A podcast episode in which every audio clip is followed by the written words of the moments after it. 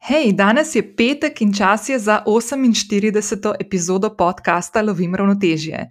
Danes gostim Tanjo Fajon, diplomirano novinarko in bivšo dopisnico iz Bruslja, evropsko poslanko, strastno potapljačico in podvodno fotografinjo in žensko, ki pokončno deluje v še vedno pretežno moškem svetu. S Tanjo smo se spoznali na neko prijetno, toplo septembrsko sredo v centru Ljubljane in se takoj odločili, da se bova tikali in tako tudi nadaljujeva skozi ta pogovor, ki smo ga posneli pred dobrim tednom. V tej epizodi se pogovarjava o njenem otroštvu in izbiri študija, ki jo je vodila v novinarske vode, o njenih novinarskih začetkih na RGL in kasneje RTV Slovenija, kjer je kot dopisnica iz Bruslja od leta 2001 spoznavala tudi delovanje evropskih inštitucij. Danes, ko teče njen tretji mandat evropske poslanke, delovanje Evropske unije in njenih inštitucij pozna tako od zunaj in znotraj. Današnji pogovor s Tanjo ne poteka v političnem duhu. Ne govoriva o politiki, ne govoriva o programih ali agendi, vsaj neposredno ne. Skozi klepet o različnih temah odkrivava tančico, ki jo predvsem krepijo osnovne vrednote moje sogovornice. V tej epizodi se poleg njene poti pogovarjava tudi o tem, kako potekajo njeni dnevi, kako je biti ženska v inštitucijah in okoljih, kjer še vedno prevladujejo pretežno moški in kako se vse te stvari vidijo, konec koncev, tudi na odzivih na družabnih omrežjih in tradicionalnih medijih. Stanje se pogovarjava tudi o tem, kako gleda na komunikacijo, ki se odvija na družabnih omrežjih in ki prepogosto pade pod ekstremni in celo sovražni govor. Govoriva tudi o tem, kakšne odločitve se na ravni Evropske unije sprejemajo in katere odločitve se še posebej dotikajo žensk ter malih in mikropodjetnikov ki smo z letošnjim letom spoznali povsem nov nivo izzivov podjetništva, ki ga je prinesla svetovna pandemija. Danes boš Tanjo spoznala kot žensko, ki igra številne vloge v svojem življenju. Povedala ti bo tudi, odkje črpa navdih in energijo za nekako lovljenje njenega ravnotežja med vsemi temi vlogami, in kako se zadnjih že več kot 20 let uh, spopada oziroma živi tudi uh, z boleznijo, uh, ki so jo diagnosticirali v zgodnjih 20 letih. O svoji življenjski preizkušnji je Tanja javno spregovorila že pred leti in danes, kar nekaj let potem, svojo zgodbo pomaga tudi drugim bolnikom in bolnicam, ki se borijo s podobnimi boleznimi. In še enkrat je to en dokaz, kako pomembno je, da se zavedamo, kako lahko svojo ranljivost upletemo v največjo supermoč, ki jo imamo: empatijo, podpiranje in iskrenost. Preden skočijo v današnjo epizodo in klepet stanjo, pa še eno zadevo in sicer obljubo, ki sem jo dala nekaj epizod nazaj, ko sem v 43. in 45. epizodi gostila Mojco Mars Žove in Mašo Mazi. Omenili smo, da pripravljamo skupno tridnevno delavnico in danes lahko povem, da te spodaj v opisu in na moji spletni strani, kjer te bo čakal, kot vedno, zapis te epizode z vsemi informacijami, ki jih boš danes slišala v pogovoru tudi s Tanjo. Um, te čaka povezava, kjer si lahko že danes zagotoviš mesto, da boš med prvimi dobila informacijo kasneje o vseh podrobnostih naše tridnevne delavnice, ki bo potekala v živo prek spletne strani. Uh, in sicer bomo v tej um, delavnici pokrili, vsak dan bo imela ena od nas um, delavnico, Uh, jaz bom začela s tem, da bomo uh, postavili svoj zakaj in ga prepletli osebni zakaj skupaj s podjetniško zgodbo, in se potem tudi konkretno uh, lotili komuniciranja, kako se predstavljamo na vzven, prek novinarskih zgodb, prek medijskih zgodb in na družabnih omrežjih. Maša bo potem na to nadgradila z brandom, uh, kako postaviš brand strategijo, kako lahko upelješ dušo svoje znamke. Uh, na način, da to prepoznajo tudi tvoje idealne stranke na trgu in da se pozicioniraš na način, da te bodo takoj prepoznali. Maša ti bo zaupala tudi en kup enih aplikacij in urodij, ki jih lahko uporabljaš, tudi če nisi brend strokovnjakinja ali strokovnjak. In v zadnjem delu bo Mojca na svojem področju, kjer je briljantna, zaključila še s prodajnimi načini, konkretno kako pripraviš optimizirano in učinkovito Facebook kampanjo, ki vključuje vsa znanja, eh, ki jih bomo vse skupaj predelali, zato da boš vse to skupaj lahko zapakirala ali pa zapakiral v neko tako edinstveno in dobro podjetniško zgodbo.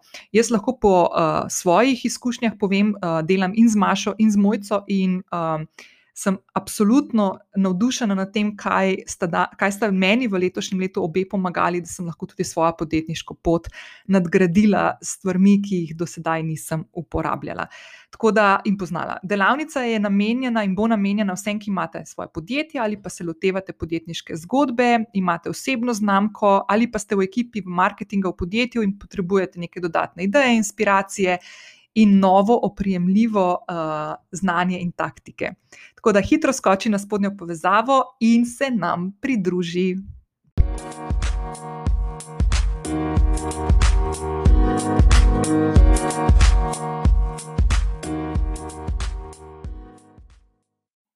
Tanja, dobro jutro, dober dan. Dobro jutro, Nina. Živijo. Tanja, mi dve smo se najprej, da poslušalkam in poslušalcem podcasta razložim, da smo se odločili, da se bomo tikali. Zmenjeno, jaz meni to zelo odgovarja, ker sem navajena, da me ljudje kar tikajo, jaz pa tudi rada to delam. Ok, super. Pa, pa bom jaz začela kar za začetek. Danes se pogovarjamo malo prej, preden bo šel ta najmen pogovor v eter, pa je zjutraj in te bom vprašala najprej, kako se počutiš in kaj je kakšna taka stvar, ki se ti v zadnjem času, dnevu, dveh ali pa tednu zgodila in si zelo, zelo vesela, da se je in si zelo hvaležna za njo? Huh, uh, zdaj, glede na to, da je jutro, sem uh, pa konec tedna se bliža, predvsem zelo utrujena in se veselim konca tedna vikenda. Da mogoče malo zdiha, malo ustavim tempo, ker od jutra do večera tekam. Uh, po službenih poteh po terenu se srečujem z ljudmi, imam sestanke, predvsej divji tempo je. Kaj se mi je dobro, da zgodi, hm, dobro, recimo en dober televizijski nastop, ki me je kar dal dobro energijo. Če to kaj pomeni, um, ja, mislim, da ja.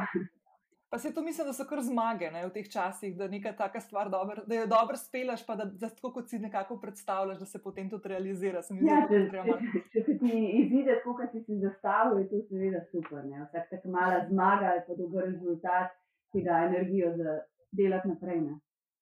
Sej Tanja, mi zdaj, ko se pogovarjava, tole boš pomičkal kasneje ven, ampak dejansko imaš ti zdaj v bistvu zadnji teden, ko, ko imaš res, mislim, zadnji teden, se potem naprej bo tudi še norišnica, ne? ampak tako eh, se pripravljaš zdaj na kongres eh, in tako naprej, imaš te zadnje, zadnje aktivnosti, s katerimi se v bistvu zdaj le pripravljaš na to, uh, eh, ko boste naslednji teden imeli glasovanje novemu predsedniku oziroma predsednici uh, stranke in tako naprej. In imaš precej burno obdobje, zdaj le zadnjih par tednov, mesecev.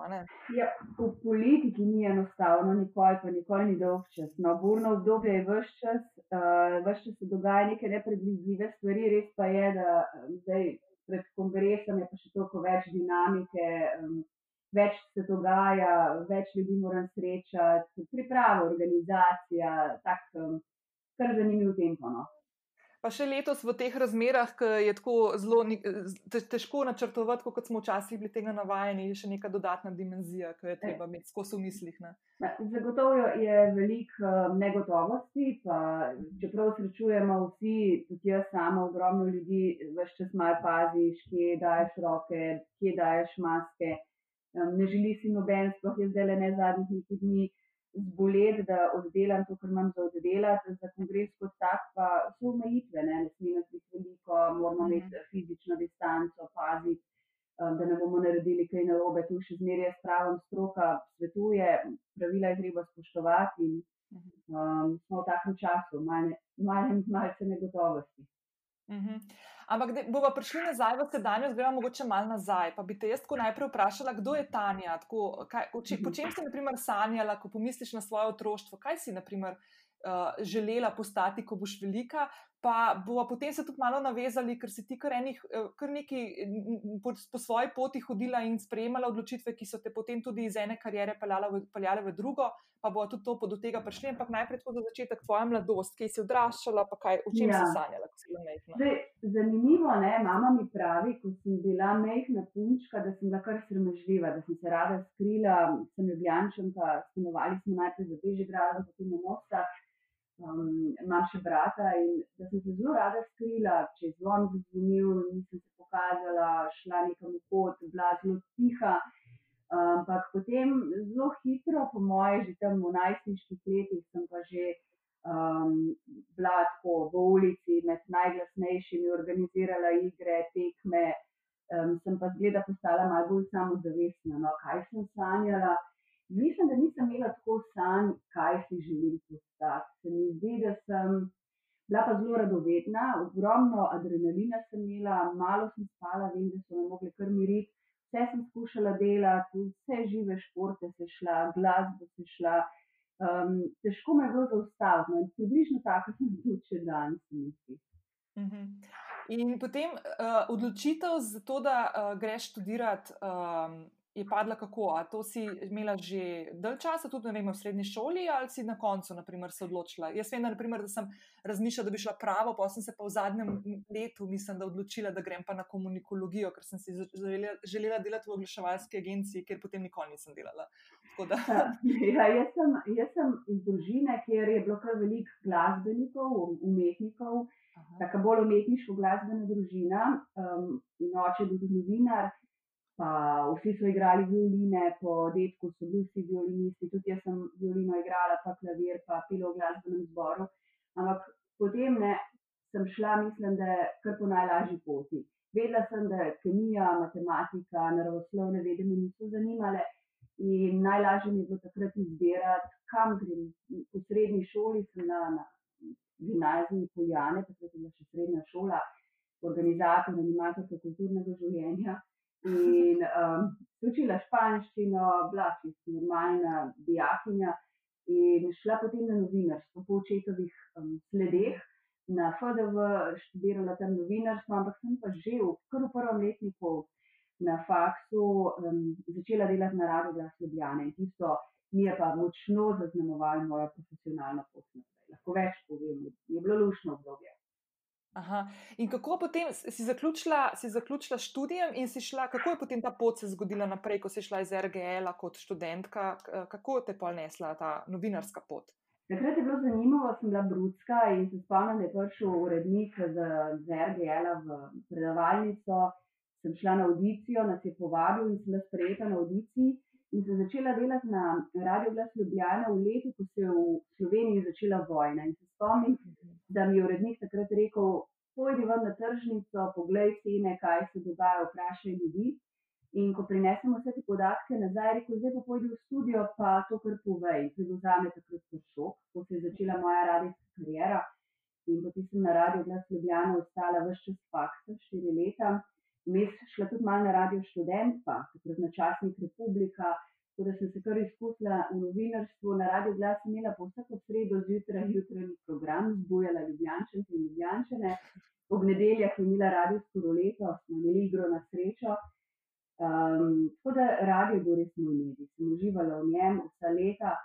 Potem sem pa imela po faksu en raku predah zaradi bolezni. To pa je bila ena malce težja obloga in potem sem tudi zamenjala radijsko postajo in novinarsko kariero. Aha. Mi dve se bomo tega še dotaknili, ker smo se dogovorili, da bomo tudi to uh, tematiko uh, malo, se, se, se malo ne pogovorili, ker se mi zdi ful, um, zelo lepo, kako si ti tudi to, to svojo bolezen uh, vključila v, svoj, v svoje življenje na način, da zaradi te izkušnje, ki jo imaš um, in si jo delila tudi javno, veliko pomagaš tudi ljudem, ki se s podobnimi izkušnjami srečujejo. Pa bo do tega še prišli, sem hotela zdaj malo nazaj. Če, potem, potem si ti šla, kako pa si pa na RTV-ju začela, kako je to zdaj se zgodilo? To je bilo tako, da ko sem imela te uh, svoje radijske oddaje, spoznala veliko mladih novinarjev, spoznala ta medijski svet v Ljubljani. Je bilo pa zanimivo, da sem bila v enem času izbrana na audiciji tudi za periskop. Takrat se spomnim, da uh, mi starši niso povedali. Moji starši so bili na RTV-ju in so vse čas me ustavljali, da jaz pa ne grem tja v službo, ne grem tja, ker so oni bili. In so mi tudi zamovčali, da sem to audicijo uspela, da bi lahko bila voditeljica. Takrat je bila potem mislim, da je bila Škamiller. Ampak ta karijera je se potem, da seveda jezna, ko sem to zvedla, ampak zdaj zdaj ne gledam več na to. Sem pa na RTV prišla sama čez um, ja, leto, pa pol dve. Po naključju spoznala sem enega od radijskih urednikov na počitnicah na Hrvaškem. Pa sem rekla, da zdaj v študiji sem tam nekje ne, in me zanima, zamenjala sem malo kariero, malo sem bila doma. Pa je rekel, pa ko boš pripravljena, pridi pa k nam na radio, v radijska poročila, to je dnevna informativna redakcija bila. In res sem prišla tja v, v ekipo, ki me je lepo sprejela in ostala na radiju, po mojem, v Ljubljani. Najprej sem moderirala vsa radijska poročila, tiste, ki jih danes poslušamo ob sedmih, po enih, po pol štirih. Še danes sem ritem vse, da vsakeč takrat na radiju priklopim na poročila. In sem delala novičke, moderirala na radiju Slovenija, vmes sem tudi na, za televizijo delala za kakšne CNN poročila um, malo daljše prispevke, da sem se televizije navadila. In ja, mislim, da razmeroma kmalo sem imela možnost, da postanem dopisnica v tujini. In takrat, potem, mislim, da je bilo to leta 2001, ja, sem pa šla za dopisnico v Bruselj. In sem potem dva mandata v Bruslju preživela kot um, dopisnica za nacionalno televizijo, to je bilo pa eno res izjemno, izjemno zanimivo. Ampak Tanja, to, ko si šla v Bruselj, je bilo še pred časom, preden je Slovenija uh, vstopila v Evropsko unijo. Drži in takrat jaz sem prišla štiri leta, preden je Slovenija vstopila v Evropsko unijo in v NATO, ker mi smo uh -huh. od leta 2001 do 2004 nas je bilo zelo malo novinarjev v Sloveniji, smo bili mogoče dve, tri novinarke. Uh, sploh iz našega dela Evrope nas je bilo zelo malo, smo si pisarno delili, smo delali skupaj, smo si delili mikrofone. To je bilo zelo, zelo zanimivo gledati, ko smo prihajali iz držav, prvič nismo bili finančno močno ukrepljeni, ne organizacijsko, ne tehnično. Um, niso nas pa niti poznali, da je Slovenija bila mehna, meni je bilo to obdobje štirih let pristopanja, sem kar obraz televizije, takrat je bil en velik entuzijazem, ko smo se približevali mi, ampak potem sem pa spremljala tudi prva štiri leta po vstopu in se mi zdi, da, da je bila to izkušnja vidika, da Slovenija je postala razpoznavna in stereotipi tabuji so mogoče zginili. Jaz sem se počutila tako kot evropejka, iz majhne Slovenije v veliki Evropi, res kot ene sanje, mogoče se mi je takrat vse zdelo, kar sem doživela. Jaz se to spomnim, ko sem se jaz 2008 preselila v London, sem imela prvič tak zelo občutek, da sem neko. Ne vem, ne vem, Slovenci imamo to malo v sebi, to, to nas je skozi malo strah, da nas noben ne pozna. Ne? Tako imamo tak občutek, imamo, da ne vem, da se moramo neki, jaz imam tako občutek, no, da se moramo neki zagovarjati ali pa dodatno predstavljati, zato ker noben, oziroma vse so vedeli, no, 2008 so vedeli v Angliji, da Slovenija obstaja, ampak zelo malo informacij še vedno, premalo, kot bi si jaz želela. Naprimer. Pa ne vem, odkje to prihaja. No, tudi to, zdaj, ki si ti, me, me spomnim, kaj si omenila, kako je bilo, ne, preden smo vstopili v Evropsko unijo in NATO in potem kasneje, kako se je to spremenjalo. Pa, a, a mogoče to opažaš še zdaj, da mogoče se s temi občutki, ki se čutiš, a smo postali malo bolj tako, smo dobili neko tako samozavestnejšo držo? Smo gotovo dobili samozavestnejšo držo. Jaz se spomnim takrat, da sem imela mogoče še tisti sama predsodek, ker marsikdo mi je rekel, da je bila Jugoslavija ne, in pa je takrat tako negativna konotacija. No, tam, vem, da, sem, da so me včasih lahko celo užalili, ko so mi ti tam še ne vem, orožje. In to me je prav prizadelo, eni taki tabuji so bili, kaj zdaj ta Jugoslavija, je to kriminal, korupcija. Ne? Niso Slovenije poznali kot, mi smo po, zelo, zelo kar nekaj stereotipov. Um, včasih so nas zamenjali, ne vem, Bratislava, Ljubljana, Slovaška, Slovenija. Ne? Zdaj jaz mislim, da danes imamo veliko več samozavesti. Jaz danes v resnici zelo sponosen povem, da sem iz Slovenije, ker eh, Slovenija uživa še zmeraj en tak ugled, kljub vsem težavam, ki se nam zdijo, da jih je veliko, da mm. se jih veliko preveč sami ustvarjamo, ampak zunaj pa uživamo v gledanju luščke, mehne, butične, prijazne, lepe um, države. Tako da jaz nisem Nina, verjetno so obe bili čisto ponosni, da so iz Slovenije. Takrat mogoče v tujini še malo bolj ta čut ukrepiš, um, da pogrešaš doma. Ja, jaz sem rabila pol leta, da sem ugotovila, da vse stvari, ki so mi šle včasih v Sloveniji na živce, ta mehkost, ker sem si vedno želela v neko veliko mesto. Ne?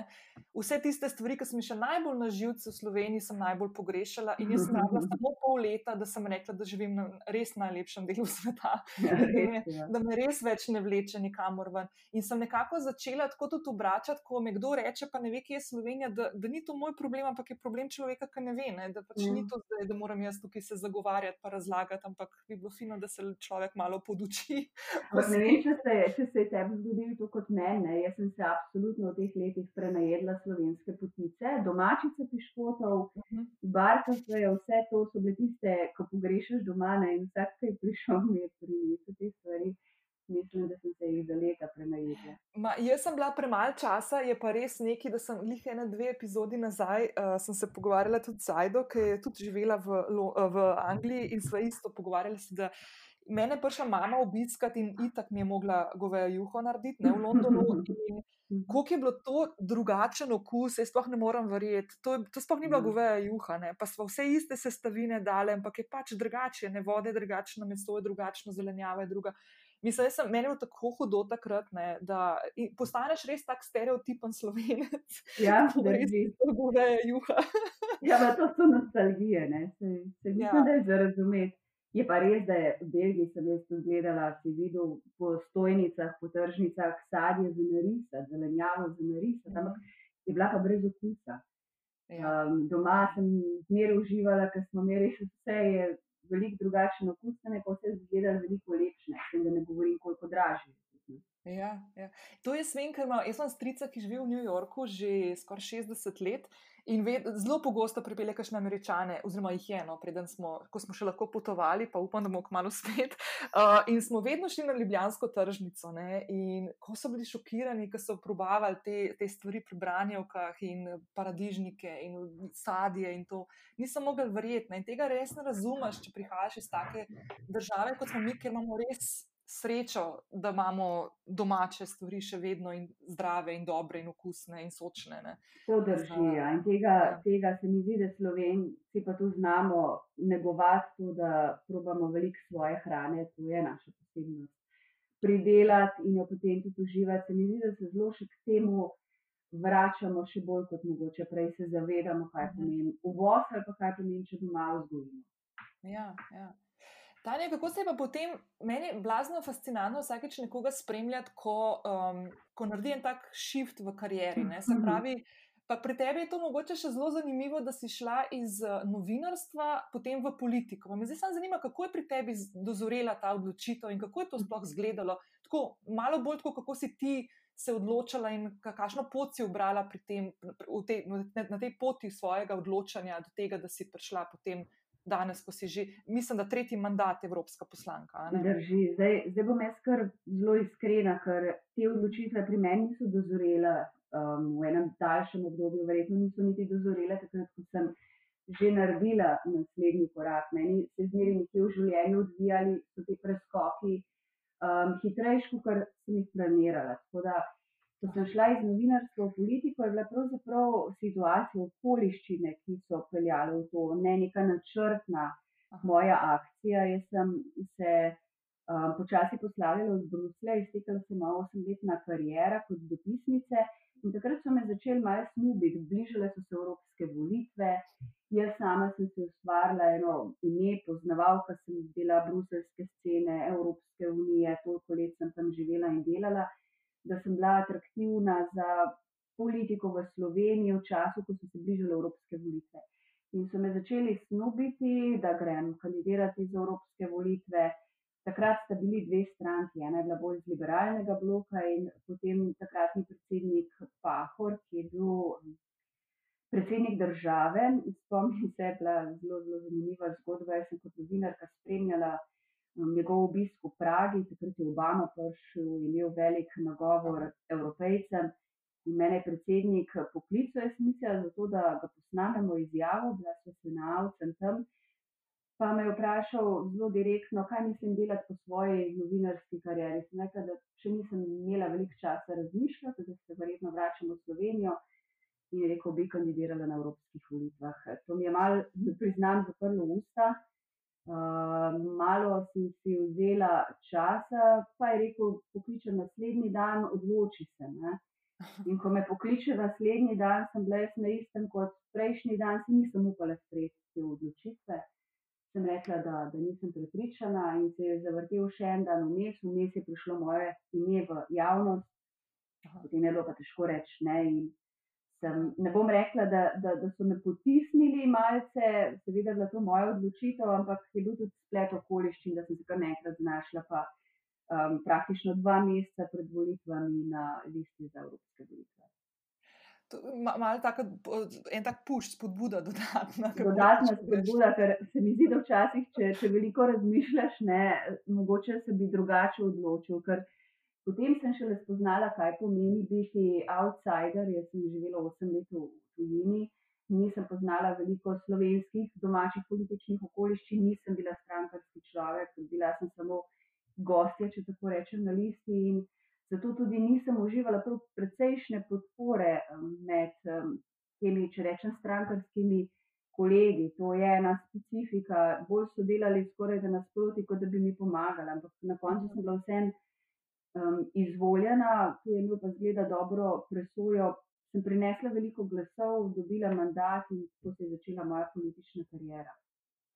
In kako, kako naprimer, zdaj kot um, evropska poslanka, um, ki gledaš z druge strani. Ne? Prej si jih opazovala kot novinarka, poslance in vse ostale eh, delegate, uh, ki delujejo v enih takih inštitucijah, kot je uh, Evropska unija in v Bruslju, in tudi v drugih krajih, Štrasburg in tako naprej. Ampak kako pa zdaj, tako, naprimer, ko si enkrat notri, ne? kako se ta shift zgodi? Tako? Ker to mora biti, po mojem, precej zanimivo in en, en kupenega prilagajanja, verjetno se mora v življenju zgoditi. Um, ja, seveda. Jaz sem imela eno veliko prednost, to je bila, da sem poznala institucije. Se pravi, v tistem preskoku, ko sem iz novinarstva skočila v Evropski parlament, sem Evropski parlament poznala do obisti, vedela vsak podnik vedela, kako deluje in sem se zelo hitro pozicionirala, kaj želim delati. Imela sem, mislim, da tudi to prednost, da sem vseeno prihajala iz medijskih vrst, da sem znala komunicirati, sem znala politike, zelo, zelo hitro sem se znašla. Bilo pa tudi res, da mogoče so mi bili tudi bivši novinarski kolegi do te mere naklonjeni, da so nekje razumeli moj prehod. Ker, Um, iti iz novinarstva v politiko poti nazaj, vsaj v moji glavi, in jaz se zavedam, da uh -huh um, je novinarstvo neodvisen poklic in ko enkrat vstopiš v politiko, je težko um, iti nazaj. Nikoli mi ni bilo žal, ker sem še vedno počela iste stvari, samo da sem lahko vplivala zraven na te odločitve. Je pa res, da um, zanimivo je, deset let nazaj sem si mislila, preden sem vstopila v Evropski parlament, ja, jaz nikoli ne grem. Ni, ni šans, da bi v Evropskem parlamentu kdaj bila. Zdaj vem, da tega bolj že nikoli ne rečem za nič, ko se bo zgodilo naprej. Eh, ker je to čisto nepredvidljivo ne, in si puščamo odprta vrata. Sem pa potem v, v parlamentu, mi, mi je bilo zelo, zelo zanimivo, še danes mi je zanimivo delati, vse čas sem pa ohranila stik z novinarji. Tako da v novinarstvu mi je bilo zelo lepo, je bilo tako bolj družabno, umirjeno, prijetno življenje, več sem imela časa zase, v politiki pa prevzameš eno ne bi rekla večjo, ampak bolj naporno odgovornost, ker si zelo hitro kriv za, za napake, za tegobe, za težave ljudi. Mhm. Tudi takrat, ko misliš, da temu ni tako. Mislim, kot mogoče ena taka skupna točka novinarja in, in, in, in politika, naprimer, je v tem, da ima to odgovornost do javnosti oziroma voljivcev, ki so ga ali ga spremljajo ali pa so izvolili in, pred, in je nek obraz oziroma predsta, pre, predstavlja nas, naprimer, konkretno v tvojem primeru v Evropski uniji, oziroma na, pač na, na, na večji ravni, ne samo v Sloveniji. Ne? In se mi zdi, da ta odgovornost, ne vem, se, tako, se mi zdi, da je blazno pomembna in je mogoče včasih malo mal pozabljena, no? vsaj tako se čuti, ampak mi, sem ful vesela, da si to zdaj izpostavljala, no? ker dejansko to more biti ena. Eno je odgovornost do javnosti, ki spremlja nek medij, eno je pa odgovornost do širše javnosti, kot so voljivci in država. Ne? Izjemna odgovornost je. Ne? In um, v resnici gremo mi vse čas tudi skozi volitve, kjer te ljudje merijo, kjer ti dajo zaupanje. In ko ti dajo zaupanje, seveda, moraš upravičiti to zaupanje. Jaz sem um, se vedno trudila tudi v Evropskem parlamentu, da sem probala narediti čim več stvari in še danes, kar ljudje od mene pričakujejo. Um, je pa res, da si v politiki vse čas na udaru, ne? si v prvi vrsti, si izpostavljen, konec je s svojim zasebnim življenjem, pravzaprav si vse čas razkrit um, javnosti z vsakim stavkom, ki ga izreče, z vsakim obnašanjem, potezo. Smo v resnici zgled ljudem ne? in če mhm. dajemo zgled, bomo lažje uživali tudi zaupanje. Tako da ni enostavno biti v politiki, sploh pa ne danes, ker se mi zdi, da je politika postala zelo, zelo diskreditirana. Vstopiš v politiko, si avtomatično slab, se mi zdi, da je to percepcija ljudi, ki so upravičeno do neke mere razočarani in jezni. Pa ni vsa politika slaba, ampak prišli smo do točke, ko bo treba spet malo več zgraditi zaupanja um, za ljudi. Tanja, ko si ti, ko si vstopila v politiko in bila um, um, izvoljena za prvi mandat, ne, uh, a si si tako predstavljala, ali so te kakšne stvari tako res presenetile? Si si predstavljala tako v, v svoji glavi, kako bo to izgledalo, ko bo še enkrat, pa zdaj, če rečem, stopila na drugo stran, zgleda, da sta dve nasprotni stvari, se v bistvu nista, ne, ampak tako. A je kakšna taka stvar, ki te res preseneča? Naprimer, to, da, da uh, ki si rekla, da izgubiš neko, neko mero zasebnosti, ne? da v bistvu si potem pa na razpolago, oziroma te res spremljajo in mediji, novinari, in konec koncev javnost, voljivci. Veliko bolj podrobno kot prej. A si imaš občutek, da si bila na to res pripravljena, ali te tako še vseeno malo presenetilo? Ne, Mina, nisem bila pripravljena in mislim, da bi se zlagala, če bi rekla, da sem tudi danes že vse pripravljena. Uh -huh um, se situacija naglo spremenja, ljudje se spremenjamo, več imamo, drugačne imamo potrebe in um, zelo si izpostavljeni v politiki. Mislim, da sem si po teh letih toliko trdila kožo, da me zadeve več ne prizadanejo preveč, ker se mi zdi včasih. Um, vsi smo ljudje, ne? vsi smo krvali pod kožo. In ko gledaš, da ti praktično danes preko socialnih omrežij ljudje napišejo, vse do, do smrtnih groženj, do najbolj nizkih podarcev, do seksizma ženske, smo tu še posebej izpostavljene. Včasih si rekla, ne bi, če bi vse prebrala, ne bi niti zjutraj šla ven iz, sobe. Ne. To je, to je tako zelo, zelo zastopljeno ozračje. Če ti preveč seže blizu, ne, se ti to pozna pri obnašanju. Se danes trudim, da ne gledam ravno vsega, nisem bila pripravljena na to. In še enkrat, ne, tudi danes so stvari, ki te prizadenejo, smo vsi ljudje, um, posebej te pa prizadene, takrat, ko ti nekdo preprosto nekaj zabrusi, niti poznate, ne, se ti zlaže direkt. Um, uh -huh. Marsikaj se dogaja po socialnih omrežjih in je žal, da, da smo ustvarili ta pozdrav. No, se to sem, to sem jaz hotela se tudi malo tega dotakniti, ker um, se mi zdi, da ti, ti si šla v, v politiko še v času, ko so družabne mreže dejansko šele počasi se razvijale oziroma prihajale v nek vsak dan tukaj pri nas na tej stari celini. Um, jaz se spomnim, ko sem se v London preselila 2008, je bilo tisto leto, ko sem si naprimer Facebook odprla. Ne? Mhm. In danes, ko pogledam nazaj, ne, je, se mi zdi, da ta polarizacija, ki se je zgodila družbe, je v veliki meri tudi razlog, so razlog tudi družabno mreže, ki nekako te. Ti kaže samo neko, neko tisto stvar, uh, ki podpira tvoje mnenje, in, in ne kaže tiste druge strani. Se pravi, da sploh v bistvu nimaš neke realnosti, narejene 360 stopinske, in postaja zaradi tega uh, diskurs med ljudmi, ki smo mogoče včasih tudi na kakšnih različnih poljih razumevanja ali pa dojemanja določenih stvari v življenju. Eh, nekako, ne vem, se mi zdi, da se do, dodatno, dodatno neko, nek greben vmes med nami vzpostavlja, ki prihaja potem do tega, da se kregamo in znamo pogovarjati. Ne. Ja, in to, kar. Ne vem, ja, Nina, si, mogoče, si mogoče gledala Social Dilemma. Sem, se iz tega ven sem to hotel ja, razumeti. Ja. Točno to, ja.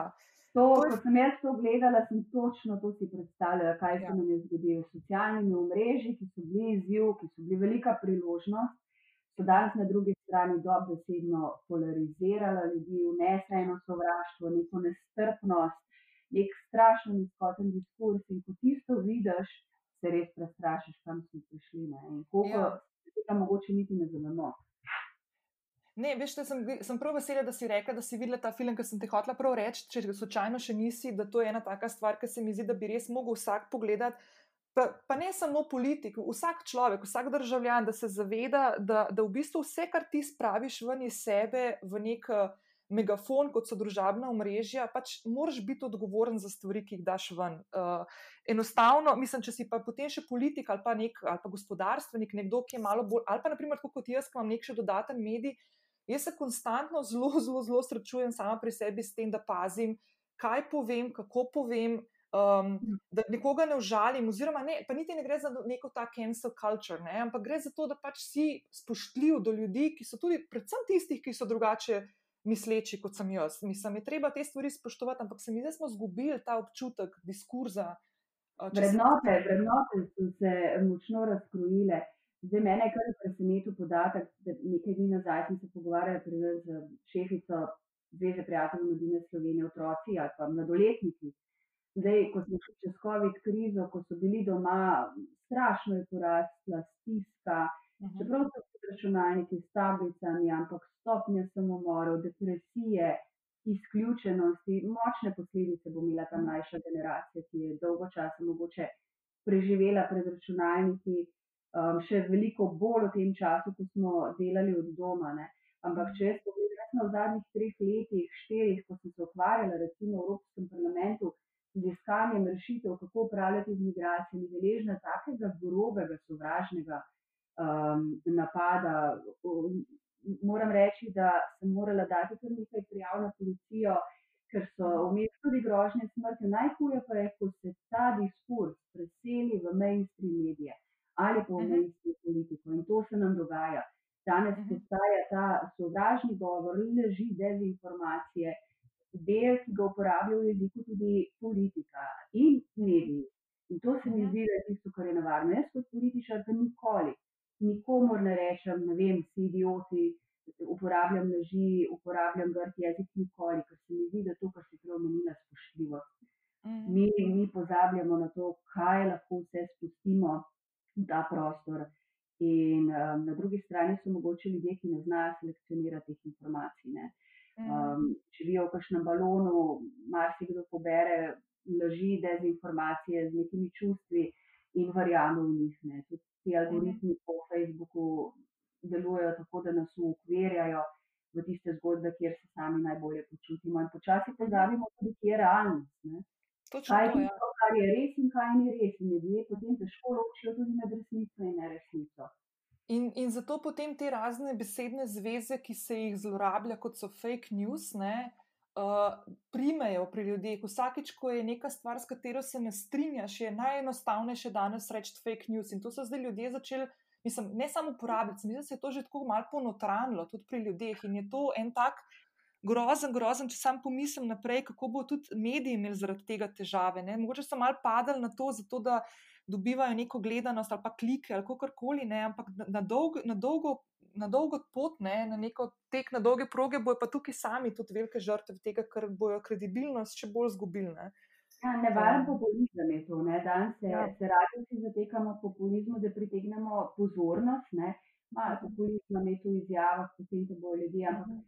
To je zelo, zelo nevaren. In tanka linija je tu, um, sploh za tiste, ki nastopamo javno, ne? ker imamo veliko, veliko odgovornost uh, do ljudi, ker nam sledijo, tako ali drugače, sledijo vam, opinion makerjem, vsem, ki se na medijih pojavljajo, vsem, ki se v politiki pojavljamo.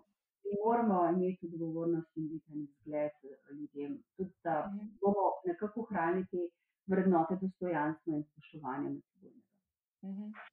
Mhm. Ja, kako pa mogoče tako, um, ko si v Bruslju, ti si še vedno tako precej, čeprav zdaj v, v tem času, v letošnjem letu, še vedno precej potuješ, ali se to, to se je zelo zmanjšalo, da ne da hodiš v Bruselj? Ja, se je zmanjšalo, priznam, da kar poznam, da, da, da kar um, pogrešam Bruselj. Zdaj od februarja naprej praktično smo imeli mi tudi en hud lockdown, Bruselj je tudi zdaj še zmeri kar žarišče. -huh. uh, virusa, tako da mislim, da sem bila dvakrat pred poletjem tam, ni še želeno, da potujemo, vse imamo organizirano nadaljavo, ko imamo pravno zasedanje, dobro, če prideš, mi imamo pa še to dodatno uvero, da tudi letalske družbe skozi to krizo -huh. niso preživele, nimamo povezav do Bruslja, zelo, zelo zapletena in dolga je postala, predvsem pa tudi draga ta pot. Tako da, -huh. da tam do spomladi, ne verjamem, da se bo sistem normaliziral. Se pa veselim, da mi bo uspelo spet priti nazaj, če že za pogled tudi ljudi, ki jih poznam, prideti malo, vse je drugače, kot delati doma. Pa kako je, naprimer, tam, a, a, a, je na, na, ravni, na ravni Evropske unije, v inštituciji, ta, ta dialog, ki smo ga zdaj omenili, ne, um, v katerega upadajo noter te populistične parole in pri, pritegovanje neke pozornosti na stvari, pa mogoče kdaj tudi uh, kakšne spine, ki se delajo s kakšnih drugih bolj pomembnih stvari s tem ne, nastopaštvom. Um, a je to zelo tudi prisotno v, v Evropski uniji, naprimer v parlamentu, ali tega še vedno tam malo manj? Seveda je tudi prisotno. Ne? Zdaj ni mogoče tistega direktnega, hudega spopadanja med nami, več kot 700 poslancev, nimamo tistega direktnega, da bi tekmovali pred domačo politično javnostjo. Mogoče jaz mislim, da je to kar boljši kulturni dialog na eni drugi višji ravni. Ampak še zmeri pa, če se spomnim, Nigela Faraža, verjetno ga tudi poznaš. On je mhm. bil glavni um, retorik in komunikator za to, da je izstopila Velika Britanija iz Evropske unije. On je bil v prvi vrsti in on si je posluževal res um, govor, ki je mejil, ne, ne mislim samo na evroskepticizem in anti-Evropo, ampak včasih tudi na meji sovražnosti, da ne govorim laži, ki je vseeno z, z informacijami manipuliral in zavajal uh mhm. -huh. javnost referendum in se je recimo potem zgodil, kako se je zgodil. Ne. Uhum. Pa se to se mi zdi, da kar tako, ne vem, neke take kopije, kot da bi iz, iz neke iste šole uhajale stvari. Jaz sem zdaj se prav smejala, ker sem poslušala um, en podcast, um, ameriški, sicer ameriški podcast, ampak uh, ime mu je Bunga Bunga, pol si najbolj predstavljaš, v katero smer gre, ampak dejansko govori o sponu Berlusconija v 90-ih letih prejšnjega stoletja. In se mi zdi tako, pa, pa se vsi spomnimo tega, ampak to je enih usporednic stvarmi, ki se zdaj dogajajo z določenimi posamezniki, ki tvorijo neko to politično okolje, svetovno, globalno, ne, na različnih koncih sveta. Ne, ne bomo zdaj niti omenjali, katerega, ki brez veze, ker vi tako vemo, o kom se pogovarjamo. Ampak tako se mi zdi, da so take copy-paste zgodbe. In, in včasih, ko se tole poslušam, se mi zdi, pa kako je hudiča možno, da ljudje tudi tega praktično ne prepoznamo. Jaz sem, na primer, to sporednico zdaj res naredila močno. Ne.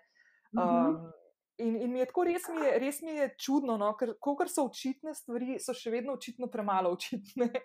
Da bi se lahko bili vseeno toliko različni, da sledimo različnim vzorom in zgledom. Ne? Nekateri mhm. raje več preberemo, nas stvari zanimajo, želimo več informacij, smo morda malo bolj kulturni, izobraženi, se ne vem. Ampak mogoče razgledani, prej vidimo nevarnosti, mi smo pa vsi ljudje isti in tudi ni mogoče tega pričakovati. Mene skrbi, seveda, če politiki z eno sovražnostjo ali pa z neko aroganco ali pa avtoritarnostjo strašijo ljudi, ker se mi zdi, da tisto strah je najbolj nevarno. Ko, ko mhm. strašiš ljudi, dobiš moč, da lahko z njimi upravljaš. Ne? Se, to je nek naraven mhm. pojav. Um, tudi v živalskem svetu je tak pojav, da mhm. se živali zberajo za vodjo, um, ki zna in sledijo. Ne? Um, jaz sicer ne pristajam na avtoritativni model vodenja, avtoritativni, ampak bolj na demokracijo in da se lahko med sabo vsi slišimo in vsi pogovarjamo. Včasih pa ta model vseeno ne uspe. Ampak v Bruslju, zdaj prej si me vprašala, smo imeli tudi primere, ko so odpeljali kakšnega iz dvorane, ga mogli pospremiti ali tako nasilno ven, ker Aha. potem smo to spremenili kodeks obnašanja, da če se poslužiš nekega sovražnega govora, um, zelo hitro zgubiš besedo, te postavijo ven, včasih zgubiš, dobiš še kakšno drugo kazen, sankcijo, odvisno uh mhm. -huh. od narave nastopanja. Ampak se mi zdi, ravno zaradi tega smo mogoče obdržali boljši nivo uh mhm. -huh. komunikacije. To je mogoče to ravno to, ne, da si v bistvu, da te, da te kolegi, kolegi praktično na pol izločijo, oziroma ti dajo zelo očitno vedeti, da to pa ni zaželeno oziroma primerno za neko tako okolje, v katerem se v tistem trenutku nahajajo. Verjetno se v angliščini tudi teži kakšne stvari ali pa kakšne grde besede zamenjaš ali pa kakšnih drugih jezikih, ki niso tvoji matični. Aha, ni tako sočno kot kakšne druge jezike. Uh, Tanja, to si prej si že omenila, tudi ko, si, ko smo začeli to, um, uh, ta del pogovora o uh, komunikaciji, tudi na družabnih omrežjih, si omenila tudi to, uh, kako v bistvu ženske um, imamo včasih tako, um, ma, smo še vedno tukaj malo postavljene na neko tako mesto, ki mogoče ni ravno več v let, konc leta 2020, bi si ljudje želeli, da bi bilo malo bolj u, u, izravnano. Ne? Pa ne bom zdaj omenjala konkretno, ampak naprimer zdaj v našem, uh, v našem prostoru smo v zadnjih časih, tudi zdaj v zadnjih tednih, imeli en primer.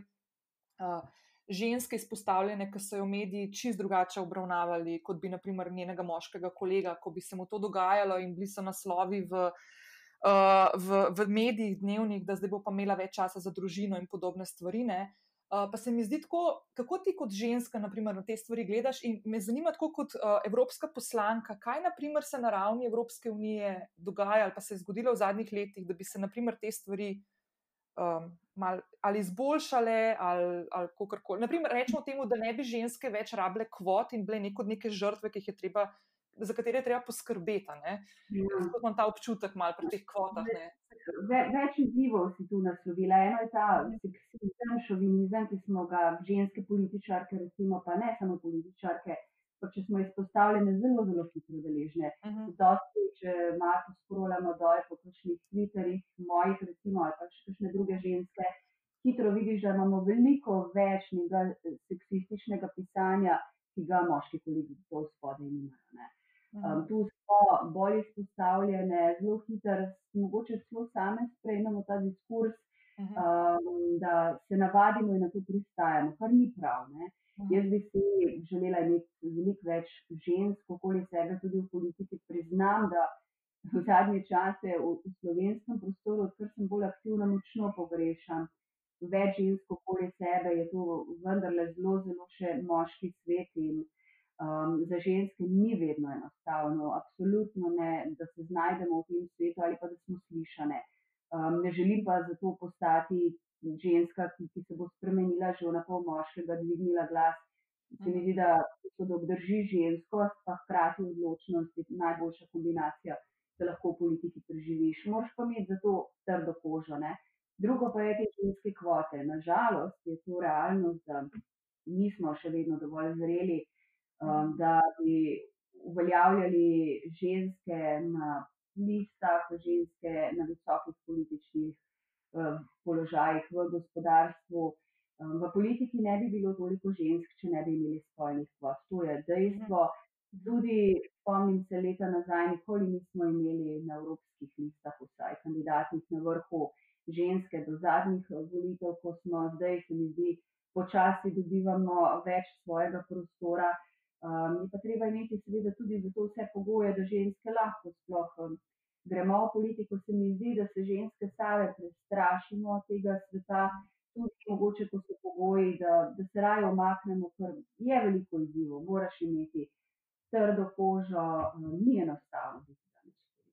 Kot mm. ženska se mi zdi pa, da je težje. Mhm. Ja, ker to mi je full fajn, da si rekla, da je ta, ta ženskost, ki jo mi imamo in kakovosti, ki pridejo s tem, tudi ta konc koncev mehkoba. Uh, ja. Da, ja, da v bistvu je potrebna in nujna za delovanje sveta, in če ti prideš v neko okolje, kjer se od tebe pričakuje, da si močen, trd, uh, pa ne da ženske nismo, smo zelo ne. Ampak. Uh, ne moreš teme, narobe bi bilo, če bi želeli postati bolj moške ne, v svojem delovanju in razmišljanju in aktivnostih, uh, ker se mi zdi, da potem se res poruši ta um, yin-yang potreba, ki bi jo mogel imeti v bistvu v vsakem segmentu družbe, bi mogla biti prisotna. Ne. Ja, jaz vidim, jaz vidim ne, in čutim pri mojem delu, da mi veliko krat ljudje rečejo, ravno zaradi te mehkove, neko zaupanje ali pa mogoče upanje in daš na kako drugačen način kot mogoče moški. Doskrat mi reče ljudje, da je lepo slišati se, mogoče malce bolj nežen glas, ampak poliva eno zaupanje. Seveda, to odvisno od posameznika. Ne. Jaz bi si želela, da bi bili v obdobju, ko niso potrebne kvote zato da pridemo žensko v politiko. Zdaj, kvote niso na račun profesionalnosti, ne? vseeno moramo uh -huh. biti tiste, ki smo um, na kandidatnih listah za to sposobne, da se dokažemo, seveda. Bi si želela, da bi bili v obdobju, ko smo toliko zreli, da bo samoumevno imamo enako žensk in moških v politiki uh -huh. na visokih položajih. Ampak nismo še tam, nismo še. Ja, da tudi kot družba, da se da zahtevamo te stvari. Ne? Da to, ko si izpostavlja te kvote, ne? super, da so, ker jih očitno kot družba rabimo, ne? je pa si pa tudi jaz želim, da bomo prišli v fazo, ko ne bojo več potrebne, zato ker bomo že kot družba tako, če bom rekla, zreli, mogoče ne vem, ni na prava beseda, ampak da dejansko bomo zahtevali kot družba, da se te stvari uravnajo. Um, da, um, eno vprašanje imam še, kar se tiče tvojega delovanja v uh, Evropski uniji in sicer ta podcast poslušajo tudi podjetniki, podjetnice. Pa me mhm. zanima, kaj se naprimer na ravni, je kakšna taka stvar na ravni Evropske unije, ki se dogaja v zadnjih letih ali po zadnjem času, na ravni majš, manj, majhnih ali pa mikropodjetij, ki so, naprimer, sploh v tem času, zdaj v letošnjem letu, zelo, zelo, zelo bile na udaru. No, rečemo, so bili vsi podjetja, vsa podjetja, ampak mali in mikropodjetniki še toliko bolj. A se kaj na tem področju dela, glede na to, da je to en tak segment uh, podjetništva, ki je zelo, zelo močan in velik delež zaseda v nekem celotnem podjetništvu. Se kaj tako dogaja na tem področju, ki bi mogoče lahko izpostavila? Ja, jaz mislim, da se zelo veliko pozornosti namenja spodbudam, tudi finančnim spodbudam razvoju srednjih, majhnih podjetij.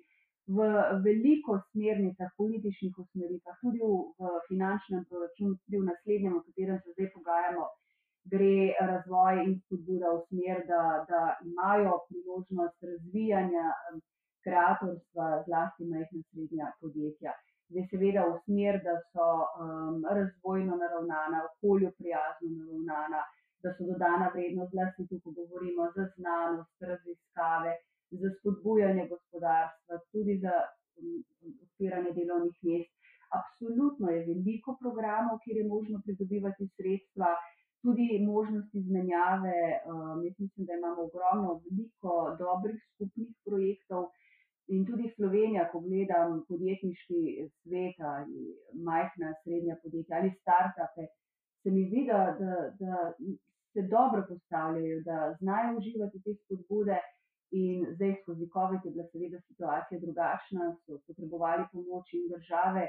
Um, v naslednji finančni perspektivi, pa dodatno finančno evropsko injekcijo, se mi pa zdi, da denarja bo dovolj, če bodo ideje dobre in če bo mhm. tudi država potem pomagala podjetjem pri tistem zagonu, da bodo preživela. Gre za seveda, ne gre samo za evropska sredstva, gre za spodbude, ki so sofinancirane tudi strani države. Torej, ko bo šlo za pomoč podjetjem, bo država morala tudi dajati tako, ne vem, v tem času likvidnost na um, posojila oziroma posojilno schemo, da bodo lahko podjetja do denarja prišla. Zdaj trenutno um, situacija ni najboljša. Mhm. Mene je najbolj presenetilo pri uh, pomladi, ko smo se srečali uh, z COVID-om, tudi pri nas. Me je najbolj presenetilo to kot neko samostojno podjetnico. Jaz sem imela vedno občutek, da nisem čisto ta prava podjetnica, zato ker sem v obliki samostojne podjetnice. Uh, in, in me je blazno presenetilo, kako so velika podjetja se znašla v v istem košu dejansko kot mali podjetniki, ki nam doskrat učitajo, da živimo iz meseca v mesec. In moram reči, da sem jaz kar ene par takih svojih frustracij, če sem zelo iskrena, ozdravila v zadnje pol leta, eh, ko sem se počutila, bom rekel, na vednicah manj vredno v nekem podjetniškem okolju. Pa zdaj vidim, da se v bistvu čisto vsi srečujemo zelo podobno uh, rea, realnostjo, ne, da, da premalo, premalo pozornosti posvečamo temu, da vlagamo v sebe in v svoje neka zavarovanja, uh, kolektivno na neki podjetniški ravni, ne samo mali, pa mikropodjetniki. Ne. Tako da mogoče tukaj. Ja, zdaj, zdaj se odprla kar veliko stvari. Če, če gledamo samo za samo zaposlene, pa za majhna podjetja, pa podjetja, ki mogoče že prej ni šlo najbolj, uh, uh, težje preživela. Jaz si predstavljam, da je izziv velik, velik, rešvalo se je velika podjetja, velika, um, tam, kjer je bilo veliko zaposlenih za ukrepi, kot je bilo čakanje na domu, so bila uspešna, ampak vseeno je šlo malo vse ad hoc, z meseca v mesec, bilo je nepredvidljivo tudi za gospodarstvo, kako ravnati v takem okolju, ko se ni vedelo, dokdaj bodo kakšni ukrepi veljali. Zdaj za samo zaposlene, recimo, so veljali samo dva meseca in pol, absolutno premalo za. za vsaj tiste, ki so imeli veliki spad dohodkov in marsikdo v tem času um, ni preživel. Ne. Zdaj, seveda, so neki spet spodbude, ukrepi, ampak ne vem, če ne bo prepozno in koliko časa bodo veljali ne. za mhm. izpad kakšnega dohodka v primerjavi s prejšnjim letom. Je absolutno težko vso breme dati na državo. Mi smo že danes, po pol leta, imamo več kot 4 milijardno luknjo, izjemno veliko zadolževanje, in sicer se danes plačuje za spodbudo, bomo plačevali verjetno še naslednja generacija naprej. In so veliki izzivi, da uh -huh. v takem okolju se mi zdi teže preživeti manjšim ali pa bolj ranljivim podjetjem. Tako da uh -huh. se je treba na njih fokusirati in pomagati, da, da preživijo. Uh -huh.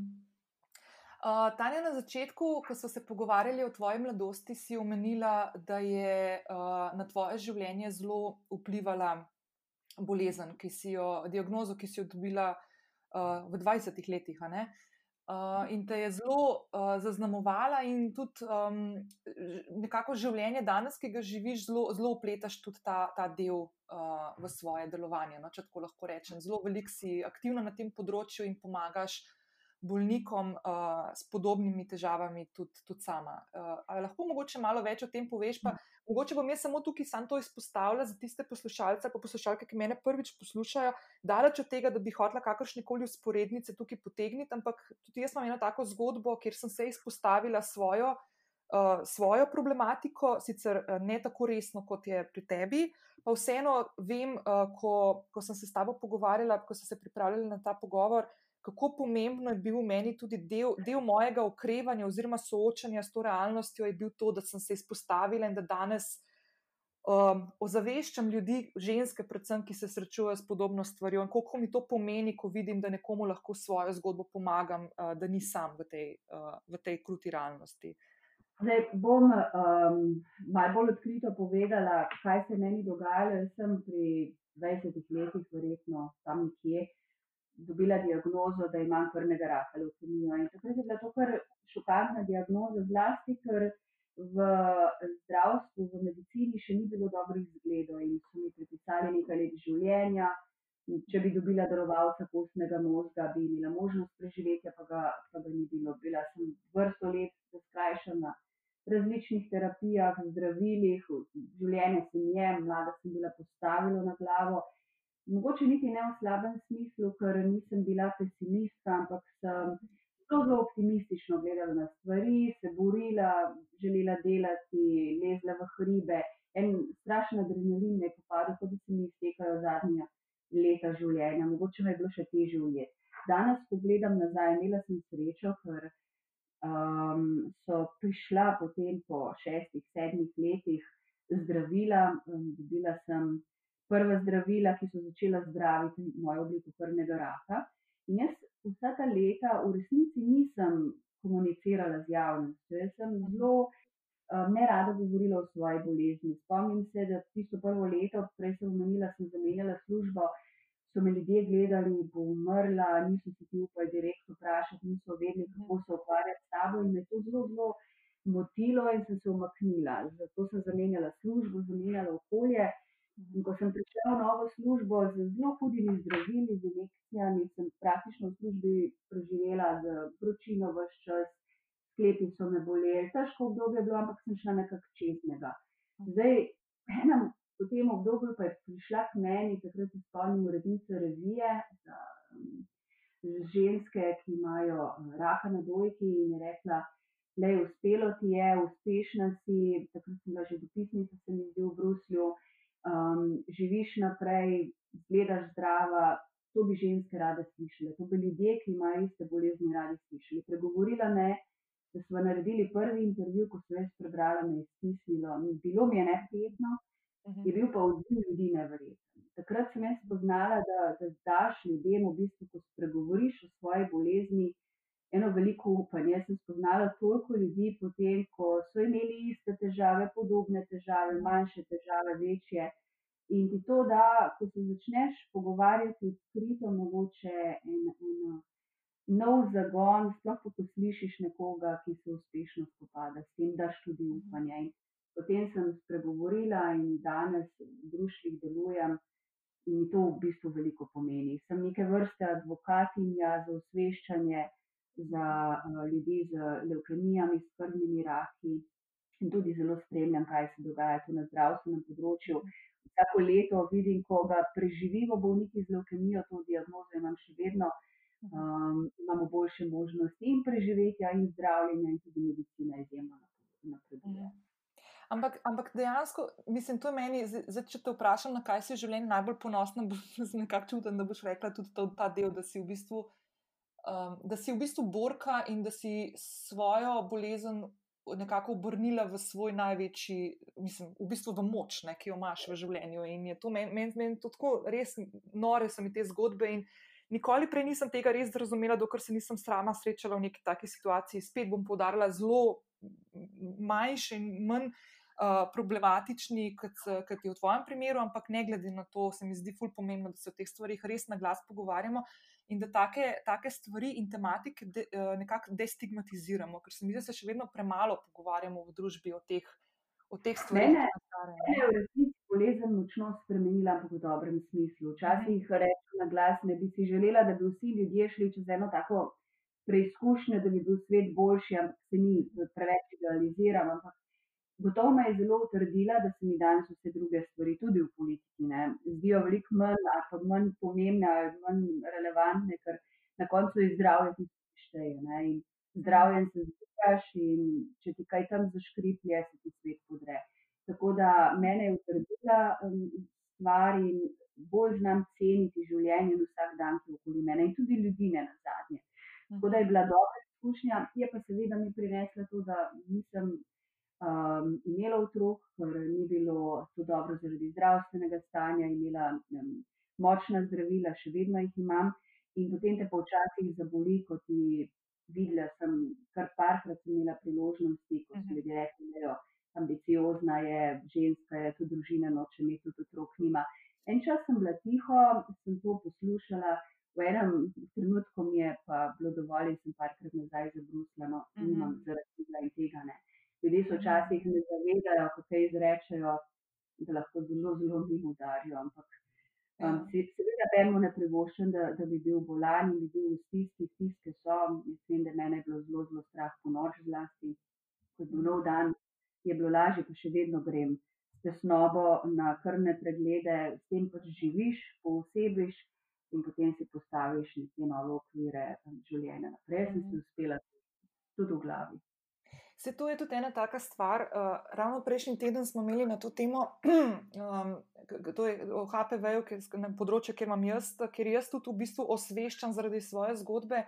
Zdaj javno smo imeli novinarsko konferenco in je ena ginekologinja, dr. Testenova iz Novega mesta, prav to izpostavila, kar se mi zdi res premalo krat tudi povedano, pa si tudi ti zdaj povedala, ne, da v bistvu je tudi ta čustveni oziroma mentalni um, napor, ki ga ena taka stvar prinese, kako se v bistvu ukvarjaš, ko greš na preglede s tesnobo, ko pričakuješ rezultate. Ne. To so stvari, ki v bistvu. Um, moraš res razviti neko posebno uh, obliko uh, moči v sebi, da te stvari začneš v življenju um, nekako spremljati, oziroma sprejemati ne, in živeti s tem. In, um, a si mogoče ti na tem področju tudi kakšno stvar tako dodatno pri sebi, naprimer, delala, da si mogoče kakšno pomoč poiskala? Kako si se soočala, naprimer, tudi s temi mentalnimi uh, izzivi? No? Zanimivo, da jaz nisem želela, v tem sem imela tudi očeta v tistem obdobju močno bolnega in so svetovali, da mu ne povemo za mojo diagnozo, tako da sem v resnici doma skrivala do neke mere bolezen, kar ni bilo enostavno za, za našo mhm. družino. Ampak um, vem, da Takrat so vse sorte mi svetovali, um, na zadnje sem se znašla v skupini bioenergetikov. Priznam, da nisem verjela, da se mi je zdelo odveč, da sem prišla z nekim negativnim pristopom k bioenergetiku, um, ob seveda strokovnem zdravljenju, ki sem ga vse čas imela. Ampak mi je pa edino, kar mi je res ostalo, se spomnim, da je deloval kot psiholog. In uh mhm. -huh ta čas, ki sem ga tam um, preživela, sva izkoristila za vrsto pogovorov. In jaz sem tam, ker je bil pa to en človek, ki ga pač nisem poznala, lahko iz sebe dala vse strahove. In se mi zdi, da mi je to zelo, zelo pomagalo na način, da me je pomiril, me notranje umiril in mi najdel neko ravnovesje.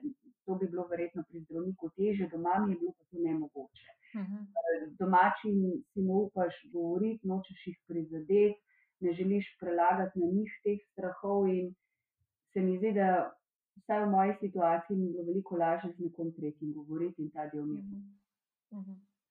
A imaš kakšne take stvari v življenju, naprimer, s katerimi se, se znaš umiriti, ker imaš pač res imaš, uh, divji tempo, sploh zdaj v tem obdobju, pa tudi sicer.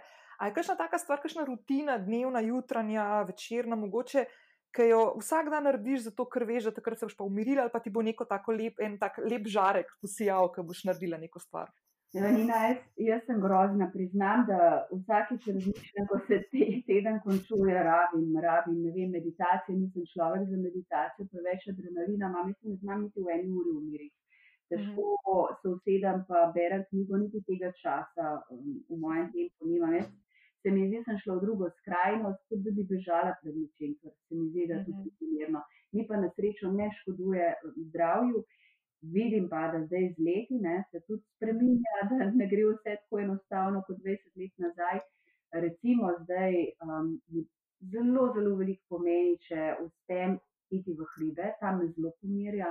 Mhm. Plavanje me zelo pomirja, jaz sem aktivna potapljačica, pod vodo svet me zelo umirja in če imam in najdem te trenutke, zdaj zadnji čas je tudi kolesarjenje.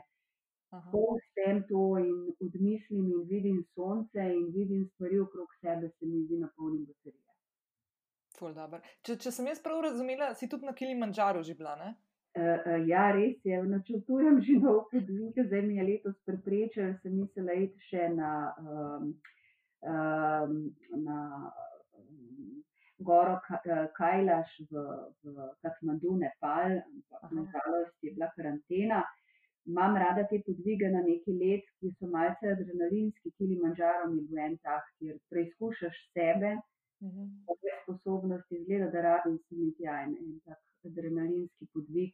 Se potapljanje je približno isto. Jaz sem zdaj zadnja leta, ko se potapljam, um, se ukvarjam tudi s podvodno fotografijo, mi je to. Ni, ni običajni šport, no. tako.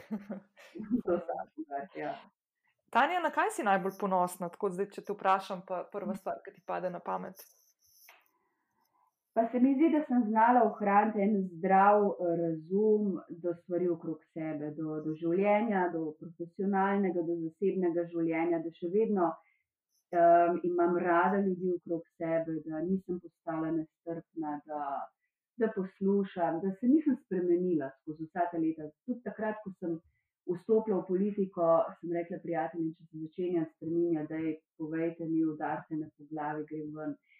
Pa se mi zdi, da sem ostala zelo normalna, zelo napredna. Mogoče je ta del, da, da ali je bila to moja življenjska izkušnja, ki ni bila enostavna, ampak se mi zdi, da kljub vsemu, pa življenju v tujini, pa različnim usponom, padcem, pa da sem ostala kar Tanja. Super. Še nekaj te bom vprašala, čist na koncu. A imaš kakšno knjigo ali pa film ali pa kakšno serijo, ki tako, zdaj si sicer rekla, da tako zelo težko eh, zdržiš dolg čas z knjigo ali pa s kakšno stvarjo, da te že odplavaš kam drugam, ki bi kaj naredila. Ampak aj kakšna taka stvar, ki tako, ki te je ful uh, dala nek navdih, pa bi izpostavila posebej. Jezim se na se, ker vsak večer, ko pridem domov, pa je tam 10 ur, že 11, pogledam poročila, odgovarjam še maile, sporočila, tako grozen čas, ampak preden grem spat, vsakeč vklopim Netflix in gledam vsaj še eno ali dve serije. In ura tako je ena in naslednji dan sem jezna, po, potem povzamem še knjigo v roke, da še kakšno stran preberem za vsak slučaj, da ne bom v politiki sanjala. Da, um, kaj bi me navdušili zadnjega časa, čisto preveč gledam teh raznih političnih serij, pa dokumentarcev na televiziji. Več bi mogla knjige brati, vse jih ne, sam potem knjigi pa že hitro zaspim, ko mi zmanjka energije, konc dneva. Se jaz tudi sem zdaj ugotovila, da kakšne takih knjig, mal, eh, ki jih moram razmišljati zraven, sprav ne nekih romanov, jaz to ponovadi pol zjutraj naredim, ne morem zvečer brati istega, pre, sem preveč utrujena, no, tako da čisto razumem. Jaz sem pa zjutraj še to, ne, da moram vse pregledati, pa preposlušati, pa časopise pogledati. In bolj čez dan ogromno stvari preberem, samo niso to tiste neke kulturne, visoko dodane vrednosti, bolj tiste, kar moram narediti za službo. Tako da ogromno preberem, veliko sem pred računalnikom in zvečer pa še pogledati kakšen film. Ja, vsak ima kakšne svoje mehne slabosti. Ja, ne. Itak. Tanja, jaz se ti zelo zahvaljujem za tvoj čas, za tale klepet, se mi zdi blazno, blazno fajn uh, in ti želim, uh, da gre tvoja pot tako, kot si jo načrtvala, pa tudi kakšen novinek, ki ga nisi načrtvala, pa da bo tak lep. Hvala, hvala Nina za povabilo, hvala vsem, ki so naj poslušali, pa seveda samo dobro energijo, veliko smeha, pa mislim, da bodo stvari veliko lepše, kot si predstavljamo. Super, hvala Tanja, lepo bodi, pa lep vikend. Hvala enako, adijo. Dio. Tanja, najlepša hvala za tvoj čas, uh, iskren pogovor in uh, pogled v to, kako uh, deluješ in na kakšen način uh, loviš ravnoteže med vsemi svojimi življenjskimi zgodbami. Jaz sem blazno hvaležna, da smo imeli čas. Uh, mogoče je bilo malo, um, malo tehničnih težav, vedno je tako le snemati pogovore prek uh, spletne strani uh, malo težko, ker nikoli ne veš, v kakšnem okolju se nekdo na drugi strani nahaja. Ampak res, res hvala uh, vsem, ki ste prišli do konca. Hvala tudi Mihatu, ki mi je pomagal uh, pri editiranju in montaži na koncu, da smo spili Tanjo na najbolj optimalen način možen, tako da ful hvala. Uh, še enkrat, uh, da ne pozabim, kot vedno, te spodaj v opisu te epizode čaka tudi povezava do zapisa te epizode, ki je na moji spletni strani. In dodatno sem dala tudi povezavo do tridnevne delavnice, ki bo potekala novembra in jo organiziram skupaj z Mojco in Mašo, gosti iz 43. in 45. epizode tega podcasta. Če še nisi poslušala, poslušal, te vabim, da skočiš tudi tja. Uh, res bo fina delavnica, jaz se je blazno veselim, veliko dela nas še čaka do takrat, ampak sem blazno, blazno vesela, da bomo skupaj združili moči in tiste stvari, ki jih sicer počnemo. Uh, v zakulisju, ko ena drugi pomagamo in si stojimo ob strani, uh, bomo predali tudi tebi. Tako da res te vabim, da skočiš na povezavo, se prijaviš, uh, to še ni nič. Uh, no, nič ne bomo zahtevali od tebe, razen uh, e-maila, zato da ti potem lahko pošljemo, ko bomo imeli vse podatke, uh, vse stvari, uh, vse informacije, da boš dobila prva. Uh, in uh, ni pa nobene, se, se z nobeno stvarjo ne zavežeš, tako da brez skrbi. Hvala še enkrat, uh, da ste ostali z mano, da ste ostali z mano. Uh, če ste kakšni novi uh, poslušali ta podcast, dobrodošli in vas vabim, da se pridružite uh, s klikom na subscribe in poslušate tudi v prihajajočih tednih. Lahko pa tudi napovem, da bom v naslednjem tednu objavila solo epizodo na temo mentalnega zdravja, ki sem jo sicer imela pripravljeno za danes. Um, pa bom zelo iskreno povedala, da sem zadnjih nekaj dni uh, bolana bila in nisem mogla tega narediti, tako da sem zaradi tega bila zelo vesela, da smo stanje opravili že prej pogovor, da sem ga lahko danes dala notri v eter. Uh, in uh, naslednji teden te čaka solo epizoda o mentalnem zdravju, kjer bom tudi odgovorila na vprašanja, ki ste mi jih poslali. Eh, tisti, ki ste se javili na Instagram, uh, tako da bomo te stvari malo bolj razdelali. Hvala še enkrat, lep petek in še lepši oktobrski vikend. Ciao!